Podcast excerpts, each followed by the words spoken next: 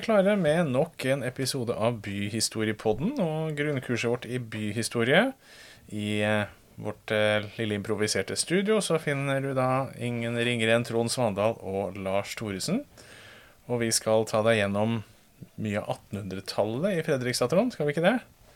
Det er det som er planen. Nå har vi beveget oss fra 1500-tallet og gjennom eh, festningshistorien, og nå er det 1800-tallet som står for tur.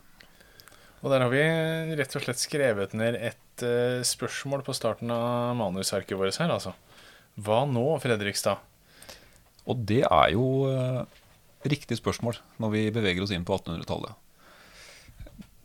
Og Fredrikstad som, uh, som festningsby hadde jo en ja, hva skal vi si, 150 år glansperiode. Hvor vi var i union med Danmark, og Sverige var hovedfienden. Men uh, med dette merkelige året 1814 så um, ender det jo med at vi havner i union med Sverige, den gamle arvefienden. Og um, da måtte man jo stille seg spørsmålet hva skal man da med en festning, en festningsby, på grensa mot Sverige, når vi da er ikke lenger fiender, men unionsfrender. Og det var nok et spørsmål mange stilte seg i Fredrikstad også ved inngangen til året 1815. For da forsvant svenskene ut. De hadde vært i, vært i, byen fra høsten 1814 og hadde styrt det meste som skjedde i, i Fredrikstad, gitt ut avis og mye fine greier under denne eh, okkupasjonstida, som vi jo kan kalle det på et vis. Og så sitter man der våren 1815, og svenskene har dratt ut. Og hva skal vi gjøre nå? Hva er framtida vår her i, i Fredrikstad? Når vi ikke lenger egentlig er noen viktig festningsby. Det er ikke et viktig nasjonalt festningsverk lenger, egentlig.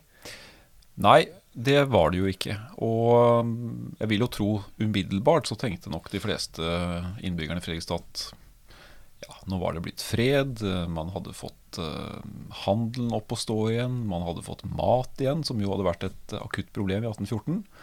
Uh, nå skal vi vende tilbake til det normale.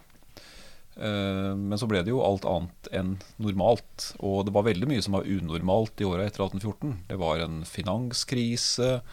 Eh, Norge lette jo litt etter seg sjøl for å få denne nye staten til å fungere. Uh, unionen med Sverige lette man jo etter å få til å fungere. Uh, og så ble det få år etter også en reform av hele hele hæren, hele det militære system. Og der kommer jo også da festningsbyen og festningen inn. Hvor i praksis vi egentlig kan si at ja, den ble ikke nedlagt, men den ble jo nedprioritert. Så det var en liten garnison eh, fremdeles eh, som stort sett bare drev med vakthold og vedlikehold. Og det var, det var, det Og det var jo dette man hadde levd av i stor grad i Fredrikstad de siste 150 år. Det var å forsyne de militære med husrom og alt det de trengte av eh, varer og mat og tjenester. Og nå sto man egentlig uten et uh, ja, I stor grad uten et næringsgrunnlag. Og det var alvorlig for en by som Fredrikstad. Og det var jo egentlig ikke den eneste elendigheten som disse svenskene klarte å dra med seg til Fredrikstad og omegn i 1814-1815. Eh, for det svenskene også hadde gjort, var jo at de eh, dro ganske langt opp i Glomma. Man trodde jo egentlig at Glomma var ufarbar ganske langt oppover. Og så drar svenskene ganske langt opp med sine, noen av sine skip. Og det satte jo litt griller i huet på dem som holdt det oppe ved fossen. Eh, og det var et par store herregårder som hadde mye makt, og var, det var mektige, driftige folk som, eh, som, drev på der oppe. Og nå begynte jo de å tenke sitt om hva de kunne gjøre for å omgå denne byen nede noen kilometer nedafor.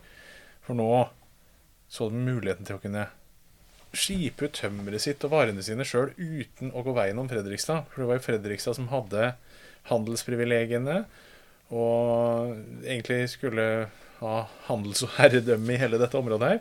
Og så er det da noen mektige folk ved fossen som vil det annerledes og prøver å utnytte de mulighetene som kommer ved at man faktisk da kan slenge ting inn på et skip oppe ved Sandnessund og sende det rett ut forbi forbi eh, Fredrikstad, mens man står på dekk og gliser eh, dollargliset sitt og vinker til de eh, stakkars folka inn i festningsbil som har eh, tapt makt og anseelse. Litt overdrevet, selvfølgelig, men vi kan jo forestille oss at de nok tenkte sitt når det gjaldt muligheten til å tjene mer penger og slippe den omveien om handelsborgerskap i Fredrikstad. Ja, og dette her ble jo en, dette ble jo en ganske stor sak. For penger styrte mye den gangen her òg. Og um, det å omgå privilegiene til eh, Fredrikstad, som, eh, som jo hadde de gamle handelsprivilegiene, det var lukrativt. eh. Så mm, 18, skal vi si, åra etter 1815 eh, og 1820-åra, det, var, eh, det var vanskelige år i Fredrikstad. Men det var jo ikke bare det som skjedde. Altså, det skjedde jo andre ting i byen også. Brann, ikke minst. Ja, Fredrikstad har vært god på å brenne. Det, det, det må vi jo si. Det har vi vært innom tidligere også. og Den første katastrofen var jo en diger bybrann i 1830, som var den første, største bybrann man hadde hatt da på uh, nesten 70 år. Hvor uh, den gamle byen, eller østsiden, altså dagens gamleby, brenner. Og så klarer man da å toppe det hele med at den nye forstaden, altså det som er dagens bysentrum i Fredrikstad, eh, det som hadde vokst opp der, det brenner da i 1837. Så da brenner egentlig både den gamle og den nye byen i Fredrikstad eh, med noen års mellomrom. Og det topper da en økonomisk krisetid hvor man leter litt etter et næringsgrunnlag, og hvor man er i ferd med å bli utkonkurrert av eh, disse folka oppe i fossen. Og bare for å ta et lite tall her, altså i 1836 så står Fredrikstad-borgere for bare 1,5% av den trelasteksporten fra det området her, hvis jeg ikke tar helt feil. Og det, det, det er ganske lite som faller til Fredrikstad-borgere, og ganske mye som går til dem som holder til oppe ved fossen. Og det er, det er dramatisk, da. Det er jo det. Ja, samtidig som det egentlig er ganske naturlig, hvis vi ser ut fra hvordan man drev tømmereksporten og drev sagbruka, ikke minst. For eh, på den tida her, i 1820-, 30- og 1840-åra, så så var det jo ved Sarpefossen og inn i Ågerselva, altså Sande og Soli bruk. Det var jo der sagbruka var. Eh, Så det at man i et par hundre år hadde skipa ut tømmeret og plankene fra Fredrikstad, det, det var jo bare fordi vi i Fredrikstad hadde privilegiene. Det var egentlig litt naturstridig at vi skulle egentlig ha veldig mye med den På en måte var det jo det. Eh, kan jo si at vi, altså Fredrikstad hadde en god havn, så sånn sett var det naturlig. Men, eh, men det var jo bedre og mer effektivt og mer lønnsomt å skipe det direkte ut fra Sandesund, i nærheten av sagbruka. Og det, det tjente jo eh, eierne, sagbrukseierne godt på, og det var det jo også en en årsak til at dette området rundt Sarpefossen også begynte å vokse opp igjen med bebyggelse. Befolkninga økte. Um, og som jo var en ekstra torn i øyet nok på mange i Fredrikstad. Um, et område som formelt sett hadde tilhørt Fredrikstad til slutten av 1820-åra. Juridisk sett så var det en del av byen. Så blir de skilt ut. um, og så topper jo det hele seg i 1839. Ja, det er jo en topp som virkelig er dramatisk også. For da har man da vært gjennom eh, en eh, bybrann i 1830. Man har fått en ny bybrann i 1837. I mellomtida mellom disse bybrannene så har man også rukket en koleraepidemi i, 1834. Hvor nærmere 300 mennesker dør av en befolkning på kanskje rundt 2500 mennesker. Det er, er over 10% av befolkningen som dør i en koleraepidemi. I tillegg til at ganske mange flere da var, var smitta. Så, så dette var ikke et veldig positivt tiår eh, for, eh, for Fredrikstad. Og så topper man det da med en sånt liberalistisk prosjekt hvor man, det var litt i tida at uh, handel var viktig. Man skulle få i gang mye handel. Og det var byetableringer, eller da i dette tilfellet her, en reetablering av Sarpsborg. Noe som sto på, eh, sto på programmet til mange politikere, og det gikk ganske glatt gjennom i, eh, i Stortinget, dette her. Med litt protest fra Fredrikstad, det må sies. eh, Ja, men det var ikke så mange andre som protesterte. Det var ikke så mange andre som protesterte, men, men stortingsrepresentanter fra Fredrikstad protesterte mot dette her. Yes. Og det ble jo da et nytt drama, hvor det plutselig da kommer en by med egne kjøpstadsprivilegier. Da mister man jo siste rest av det man har hatt av herredømme over området ved fossen der sånn økonomisk. Altså da, da er man overlatt til seg sjøl. Og det vel, går jo faktisk så vidt midt oppi disse brannene og alle disse krisene at det er enkelte som begynner å snakke om at kan vi ikke like gjerne bare flytte byen tilbake til til fossen der. Altså, vi, vi, kan jo nesten bare gi opp her. Det er nesten en holdning av det hos noen. Ja, det skal ha blitt uh, diskutert av noen. Og så skjedde jo ikke det, men, uh, men en kan jo skjønne det. For uh, hvis en så det sånn isolert sett, hva var næringsgrunnlaget til Fredrikstad sånn rundt, rundt, år 1840, så var ikke det veldig mye. Det man hadde, var en, en forholdsvis god havn, men det hadde man jo også fått ved Sandesund. Eh, så hadde man bymarker og litt sånn, men, men, det var ikke noe særlig mer enn det. Det man hadde hatt, var jo eh, festningen, og den var nesten lagt ned. Eh, men så var det jo selvfølgelig en by, da. Det var jo mennesker som bodde her, og det var ikke bare å legge ned en by heller. Nei, det er jo ikke så lett heller. Det er klart, det gjør man ikke. og og sånn sett i ettertid så kan vi vel konkludere som gode bypatrioter med at det var et fornuftig valg å ikke flytte og legge ned byen. Vi kan jo, vi kan jo konkludere kanskje med det i dag, men uh, det en gjorde, og som en jo ofte uh, ser at folk gjør, det er jo å prøve å se etter nye muligheter. For de fins jo som regel der.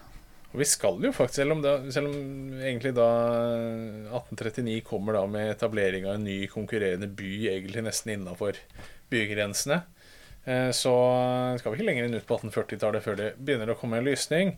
Hvor da enkelte begynner å slå tilbake. The Empire Strikes Back. Jeg vet ikke om vi skal dra den så langt. Men eh, det har vel egentlig aldri vært noe stort imperium. Vi har eh, Siste, det er vel egentlig Halden som har vært den største byen i vårt område.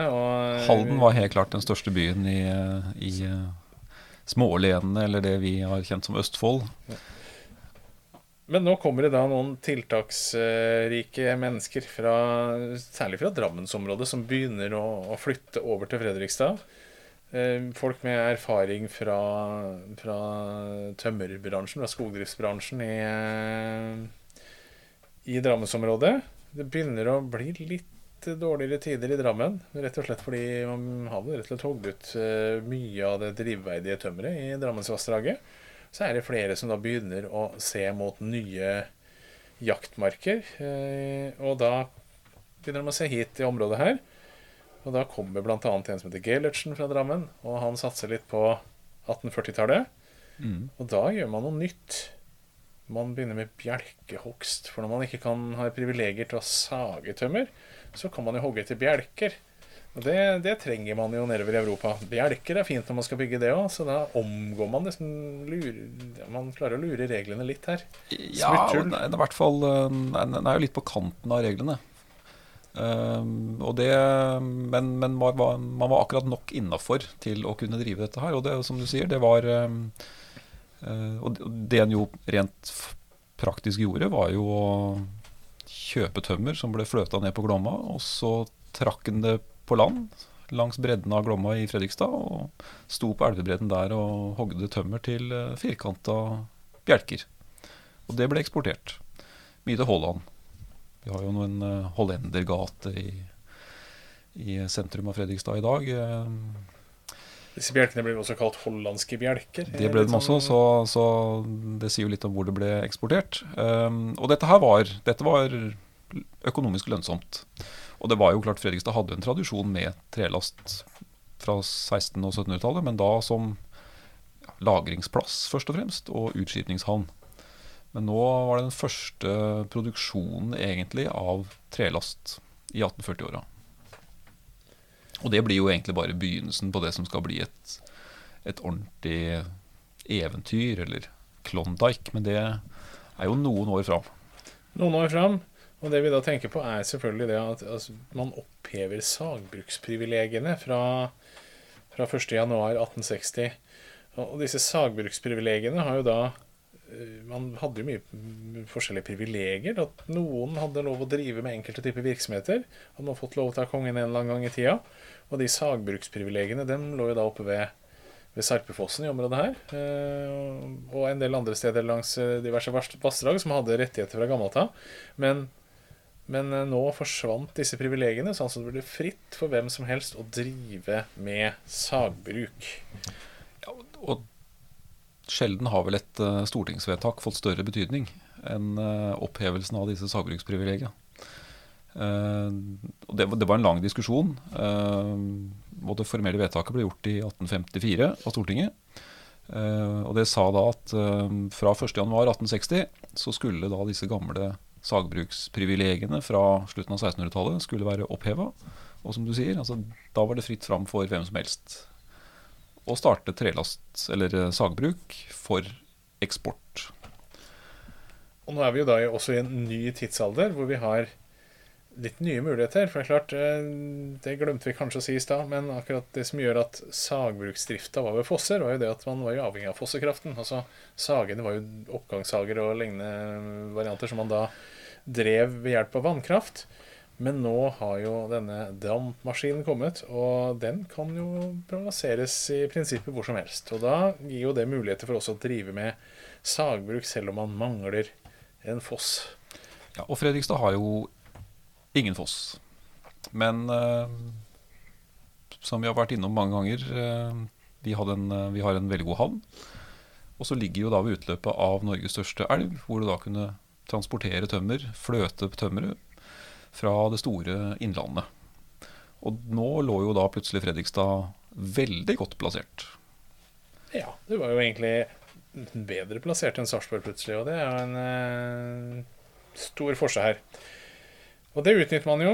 Altså, jo disse sagbruksprivilegiene ble jo, som du nevnte, da vedtatt i 1854. Og da har man jo god tid til å planlegge. Sarpingen har god tid til å grue seg til det som kommer til å skje, og vi har god tid til å planlegge. og Allerede i 1860 så står jo de første sagbruka klare til drift fra første dag man har mulighet til å sage. Så setter man i gang og kjører på med, med, med sagbruksdrift.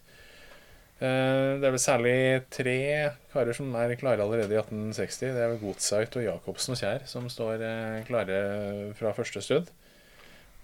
Og da er vi ja. på Seiersten og Gressvik og Billett. Eh. Ja, og det skulle jo bli de store sagbruka, særlig da eh, Jacobsen på Gressvik bruk og Kjær eh, på Billett. Kjærs bruk. Eh, og ja, de sto jo ferdig med en gang, så dette var jo godt forberedt. Her hadde man kjøpt opp uh, tomter, man hadde bygd ferdig moderne sagbruk, dampsager. Uh, og alt lå egentlig klart da for et, uh, et nytt industrielt kapittel i Fredrikstads historie. Og Det er jo i denne perioden her vi kan si at Fredrikstad skifter ham igjen. Altså Vi har vært innom det tidligere. at Man bytta jo fra å være en litt søvnig handelsby til å bli en festningsby på 1600-tallet. Og så har man jobba litt med identiteten sin her så langt på 1800-tallet.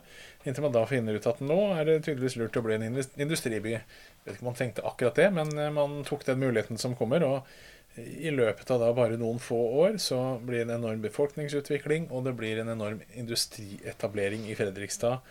Og med da tilhørende økonomisk framgang. Så dette her er starten på et eventyr, og ganske mye med ganske nye konsekvenser da, for Fredrikstad i tida som kommer. Ja, og 1860- og 1870-åra så var jo Fredrikstad en av de byene som eh, ja, vokste raskest. Eh, ble en av de virkelig store industribyene i Norge. Eh, det er klart Trelasthandelen var, var en vekstindustri mange steder i Norge. Men, men vi ser jo at, at Fredrikstad vokste veldig raskt. Eh, så dette her var en, eh, dette var en det må ha vært en Klondyke-stemning i byen òg. Og um, Fredrikstad 20 år etter eh, var nok på mange måter en, en annen by enn Fredrikstad i 1850-åra.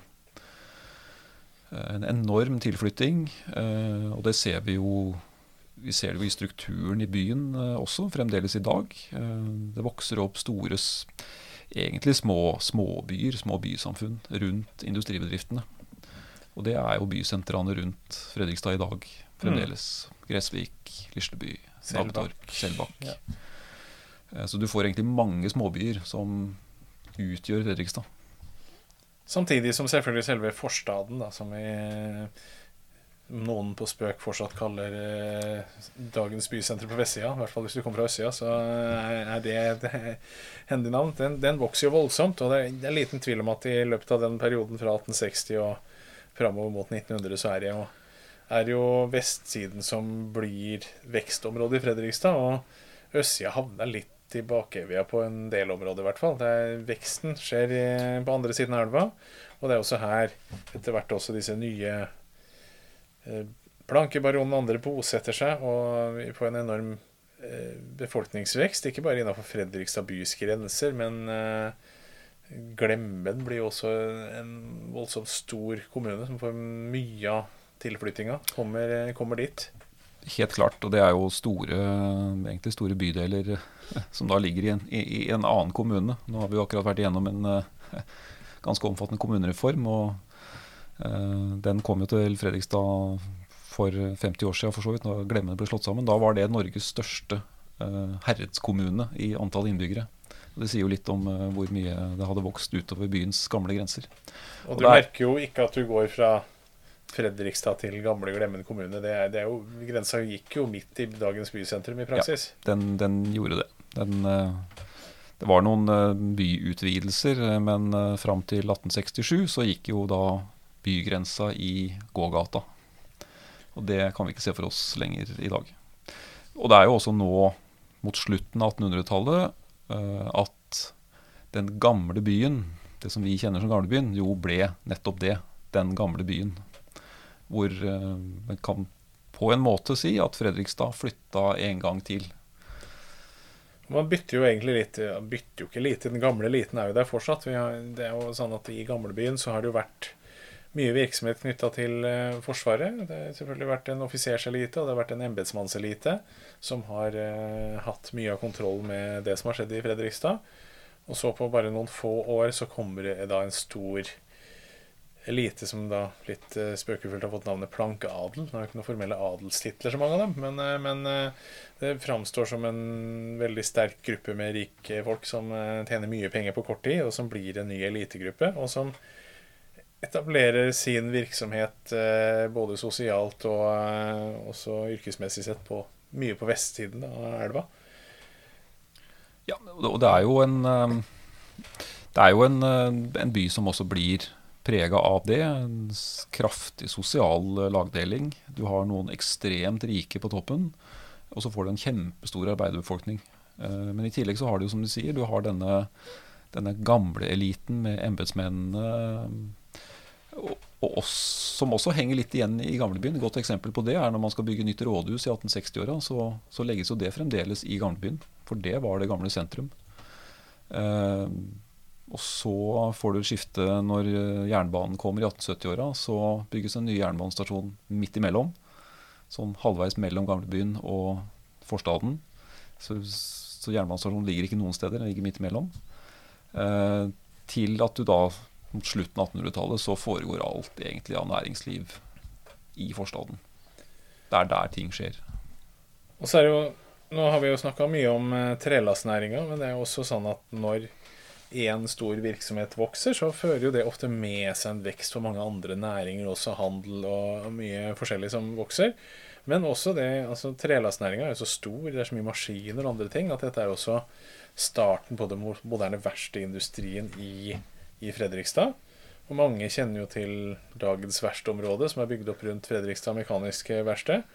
Og det kom jo da allerede på 1870-tallet. Eh, og det er jo egentlig årsaken til at det blir etablert et verksted, er jo at man trenger en avdeling av Myrens verksted inne i Oslo som leverer mye av maskinene til trelastindustrien, og som trenger da rett og slett et servicepunkt, skal vi kalle det, i, ja, det var jo i Fredrikstad. Det det for det er så mye Så store behov for å kunne reparere maskiner og ha, ha vedlikehold og eh, installasjoner og sånn i Fredrikstad, at da, da må man ha en avdeling her.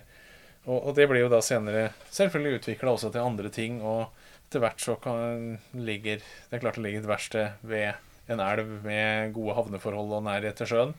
Det er jo nærliggende at man også kan koble seg på det som skjer ute på verdenshavene, og bidra til at Fredrikstad i enda større grad enn før blir en sjøfartsby også. Eh, det er jo nå egentlig den delen også, også tar av. For man har aldri vært noen voldsomt stor sjøfartsby, selv om man har eh, hatt nærhet til havet. Så er det andre byer som har lykkes bedre der. Det var, jo, det var jo selvfølgelig mye sjøfart, men det var jo skuter som kom utenfra. Og handel foregikk på, på seilskuter, og litt småreparasjoner og sånn var det jo. Men, men det er klart med, med med Fredrikstad Mekaniske Verksted og senere andre verft, Glommens Mekaniske f.eks., så blir jo skipsbygging blir jo en stor virksomhet eh, når det kommer fram mot århundreskiftet.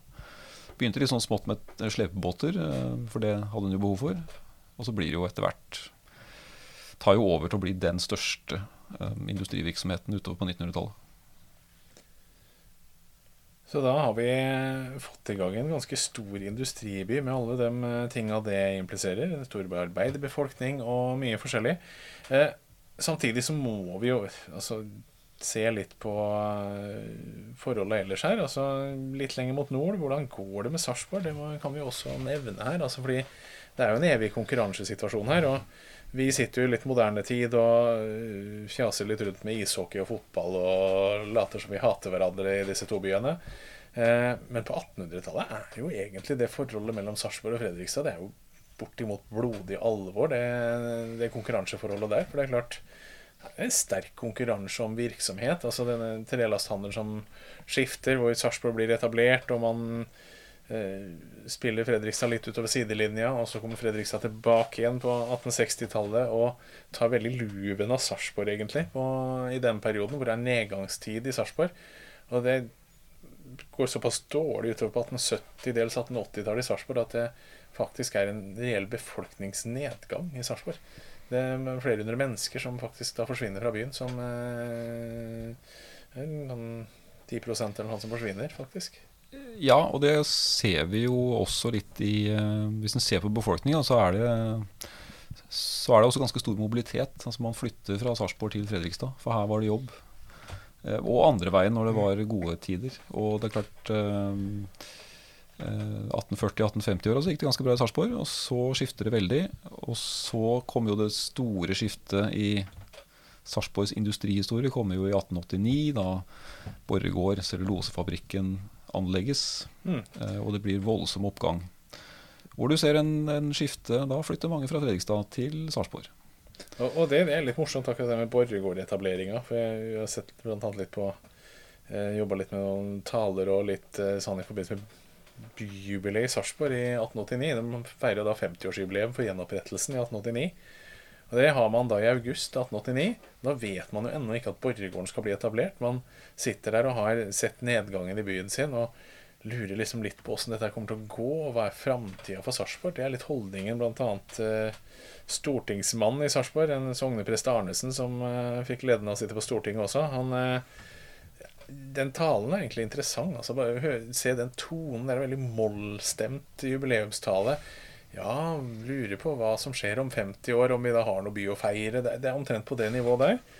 Og, og, så sitter man da senere samme høst, så starter et, et av norgeshistoriens største industrieventyr. Altså litt helt ut av det blå for mange i Sarpsborg. Altså, selv han som da er en av Sarpsborgs ledende menn, og han sitter på Stortinget og burde ha god oversikt over det som skjer der, Han, det kom en litt bardus på han nå, egentlig. Og plutselig så starter et eventyr i Sarpsborg eh, som fører til en enorm, enorm vekst og framgang for den byen. Altså, de får jo da sin store periode 30 år etter Fredrikstad. Men, eh, men da blir jo begge disse byene egentlig for alvor store, moderne industribyer som har en stor nasjonal betydning altså som totalt sett et industriområde her i nede Glomma-regionen? Ja, og Sett utenfra så, så, ble de nok uh, ofte sett i sammenheng. Men det kjenner vi jo fra våre dagers uh, diskusjoner òg. Eh, og, dette, og det, det, er klart både Sarpsborg og Fredrikstad på slutten av 1800-tallet er jo og Særlig etter 1889 da, så er jo, det er jo byer i kraftig vekst, og det er stor tilflytting. og en, eh, et eksempel på det som vi ser her, er jo at det var I store deler av Østfold så var det jo lite utvandring til Amerika. Eh, som jo var I andre deler av Norge var jo, var jo utvandringa stor. Eh, men her ser vi at folk flytta til de to byene i stedet. Og her var det jo arbeid å få, det var, det var muligheter å skape seg et nytt liv. Eh, og kanskje enklere å gjøre det enn å reise til Amerika.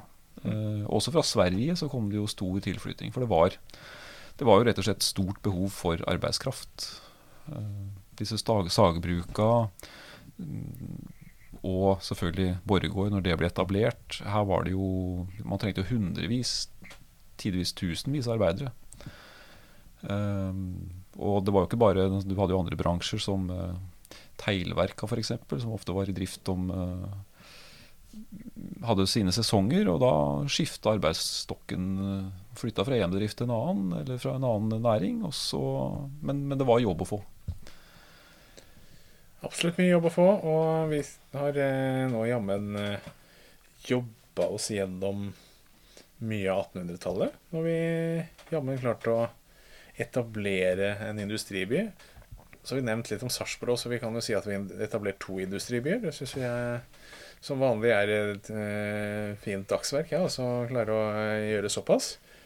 Så nå uh, er Fredrikstad blitt industrialisert. Vi har fått en ny, ny elite. Det har vært stor optimisme i Fredrikstad, og jammen har vi klart å gjøre serpingene glad i løpet av episoden òg, så det, det syns jeg absolutt ikke er verst. Nå skal vi snart inn på et nytt, i et nytt århundre i neste episode, hvor vi skal se på den videre industrielle utviklinga i Fredrikstad. Det skjer mye også når vi kommer under år 1900 og beveger oss inn i neste århundre. Og så skal vi se litt på andre sider av livet i denne byen også. Men det blir i neste episode. Neste episode, Da kommer også litt kultur og litt om det som skjer rundt. Man driver jo ikke bare og jobber heller. Så det morsomme tinga man drev med på fritida, det, det kommer også inn eh, i fortsettelsen. Men igjen, vi eh, utsetter det til kommende episode om 1900-tallets første halvdel i Fredrikstad. Følg med, da. Takk for oss. Takk. Hei.